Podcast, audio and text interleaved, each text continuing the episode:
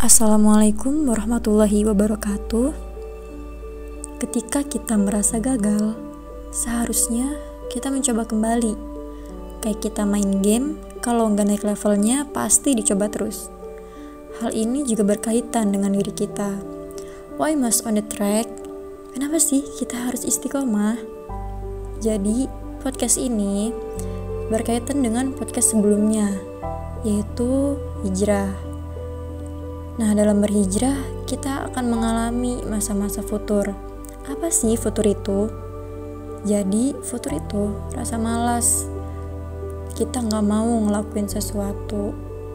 Bukan nggak mau ya, mau mungkin uh, lambat gitu ya dalam melakukannya gitu. Termasuk melakukan kebaikan. Nah, futur ini juga salah satu penyakit yang sering menyerang sebagai manusia. Nah, manusia ini bisa ahli ibadah, para dai, dan beruntut ilmu.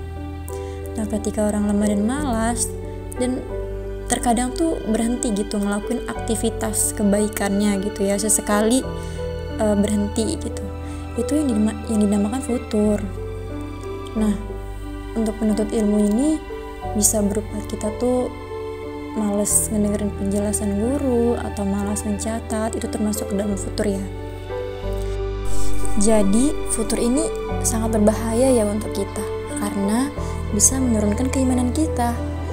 Nah maka dari itu kalau misalkan kita nggak mau futur kita harus tahu penyebab munculnya futur tuh apa aja sih. Nah yang pertama tuh bisa jadi kita tuh nggak ikhlas gitu nggak ikhlas ngelakuin sesuatu terutama dalam beribadah dalam beribadah harusnya kita tuh mengosongkan pikiran kita melupakan urusan duniawi dan hanya mengingat Allah aja. Dan bisa jadi kita tuh sum'ah kita beramal untuk tujuan didengar atau dilihat orang lain. Dan juga ujub kita menyombongkan diri kita sendiri. Udah bilang dalik ya. Mungkin sering terjadi gitu di kalangan orang-orang yang sudah berhijrah di mana mereka memandang bahwa yang tidak berhijrah itu nggak lebih baik dari dirinya semoga kita dijauhkan dari sifat-sifat itu ya. Kemudian kita jarang menuntut ilmu gitu khususnya ilmu syar'i. Nah lemahnya ilmu syar'i ini akan e, berpengaruh gitu terhadap keimanan kita. Futur itu akan muncul gitu dengan sendirinya. Gimana sih biar kita tuh semangat terus gitu dalam menuntut ilmu syar'i Nah, dari itu kita harus tahu dulu fadilah ibadah yang kita kerjakan. Manfaat atau keuntungan dari ibadah yang kita kerjakan. Misalnya, sholat sunnah dua rakaat sebelum sholat subuh itu lebih baik dari dunia dan seisinya. Terus sholat duha. Kalau kita sholat duha, pasti akan dicukupkan kebutuhannya atau rezeki itu pada hari itu.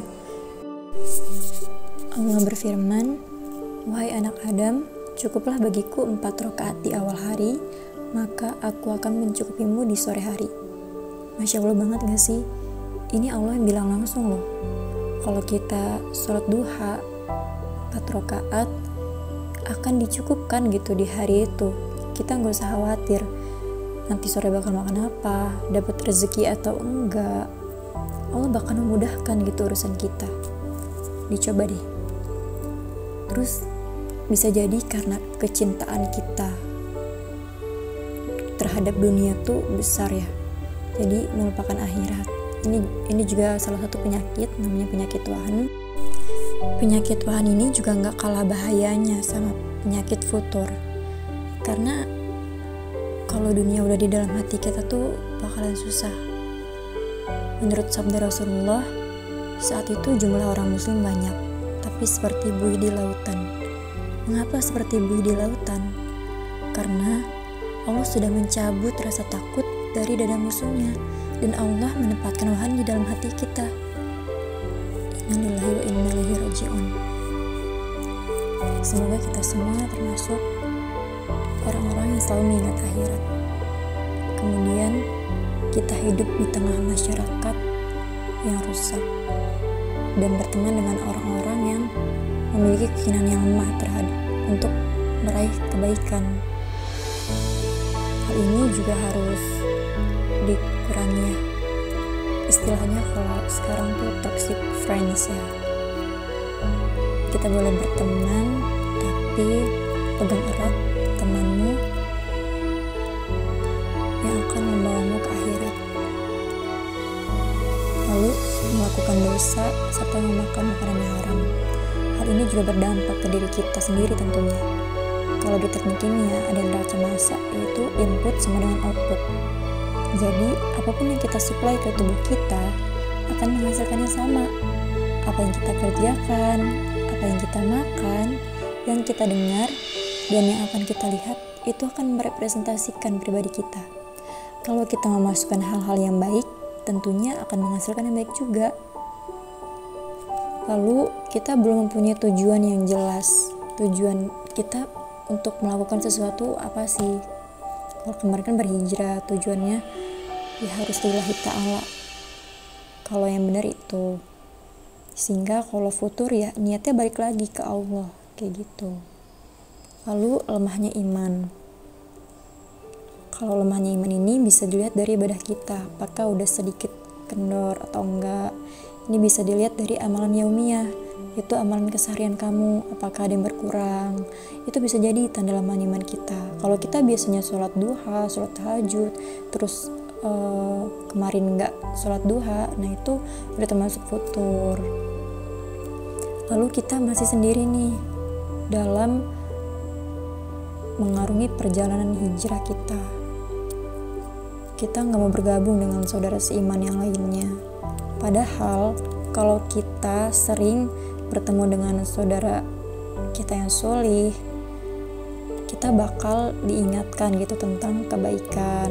Kalau kita futur, futur ya saling diingatkan oleh teman-teman. Dan yang terakhir, lemahnya pendidikan terbiah imaniyah. Nah, pendidikan terbiah ini nggak hanya di lembaga formal aja. Jadi kamu punya murabiah Murobiah ini guru ya. Tentunya tuh bisa jadi fasilitas untuk menuntut ilmu agama. Jadi harus sering ngikutin kajian untuk meningkatkan keimanan kita. Kalau ada yang belum punya murabi, mungkin bisa ikut kajian-kajian di sekitar tempat tinggalnya. Atau bisa juga ikut kajian online. Sekarang kan banyak banget ya yang ngadain kajian online. Tapi alangkah lebih baiknya bisa ketemu langsung karena bisa maksimal dalam menuntut ilmu. Dan selain itu, kita juga dapat meningkatkan ukhuwah kita. Karena dengan bertemu langsung itu, sama halnya kita mencharge diri kita. Cara menghilangkan futur, gimana ya? Tadi kita udah bahas terkait apa aja sih penyebab dari futur. Cara untuk ngilanginnya, ya kita kembali lagi diniatkan lillahi ta'ala Keikhlasan suatu niat itu sangat berpengaruh pada amalan-amalan yang kita lakukan. Kalau kita ikhlas menuntut ilmu, amalan yang kita lakukan itu akan dibalas pahala gitu sama Allah. Lalu kita harus sering bareng teman-teman yang semangat menuntut ilmu. Karena teman itu berpengaruh ke diri kita. Kalau teman kita semangatnya tinggi untuk menuntut ilmu, kita juga akan ikutan semangat dan teman-teman ini akan membentuk karakter kita. Dan yang terakhir yaitu bersabar. Bersabar ini ketika kita lagi futur, kita sabarin dulu. Sabar dan ikhlasin kita dalam keadaan futur tapi kita ikhlas gitu untuk menuntut ilmu. Itu harus dipaksain. Kalau emang lagi males banget buat kuliah gitu. Ikhlas dalam hati gitu aja ikhlas ikhlas ikhlas ikhlas. Secara nggak sadar ya kita jalaninnya ya enteng gitu. Jadi kalau mau menuntut ilmu tuh nggak boleh buru-buru. Apalagi dalam menuntut ilmu syari. Karena menuntut ilmu syari itu tidak bisa didapatkan dengan kilat atau dalam waktu singkat. Jadi harus diingat kalau perjalanan menuntut ilmu itu panjang dan lama.